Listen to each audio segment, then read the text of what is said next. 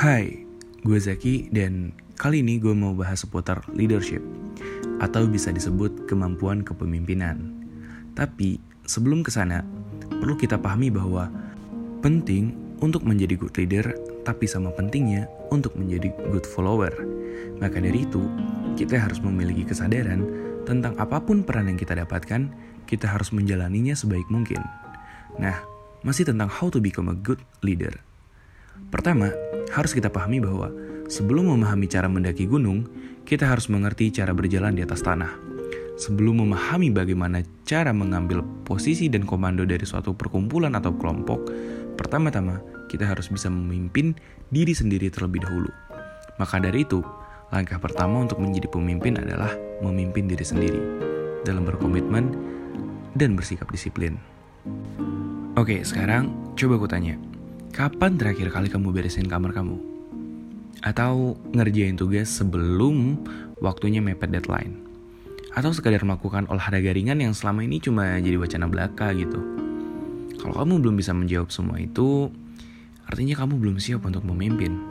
Karena kamu bahkan belum bisa mendisiplinkan diri sendiri terlebih dahulu. Dalam teori kasus emergensi kecelakaan pesawat, kamu diharuskan menolong diri sendiri sebelum menolong orang lain. Artinya, Ketika kamu sudah selesai dengan urusanmu, barulah saat itu kamu sudah bisa menginterupsi urusan orang lain. Namun, kesadaran seperti ini tidaklah mudah untuk ditumbuhkan. Perlu adanya dedikasi dan usaha keras untuk melawan rasa malas, terlebih untuk diri sendiri. Contohnya, ya ngelakuin sesuatu yang emang sudah seharusnya dilakukan sebelum hal itu berubah menjadi penyesalan. Karena menjadi pemimpin akan membuatmu akrab dengan pengambilan keputusan-keputusan yang membutuhkan kemampuan dan keberanian dalam memilihnya. Karena sejatinya pemimpin tidak mengenal penyesalan, terutama penyesalan tentang hal-hal yang tidak dilakukan ketika kamu memiliki kesempatan. Jadi untuk menjadi pemimpin, kamu harus bisa mengatasi semua itu.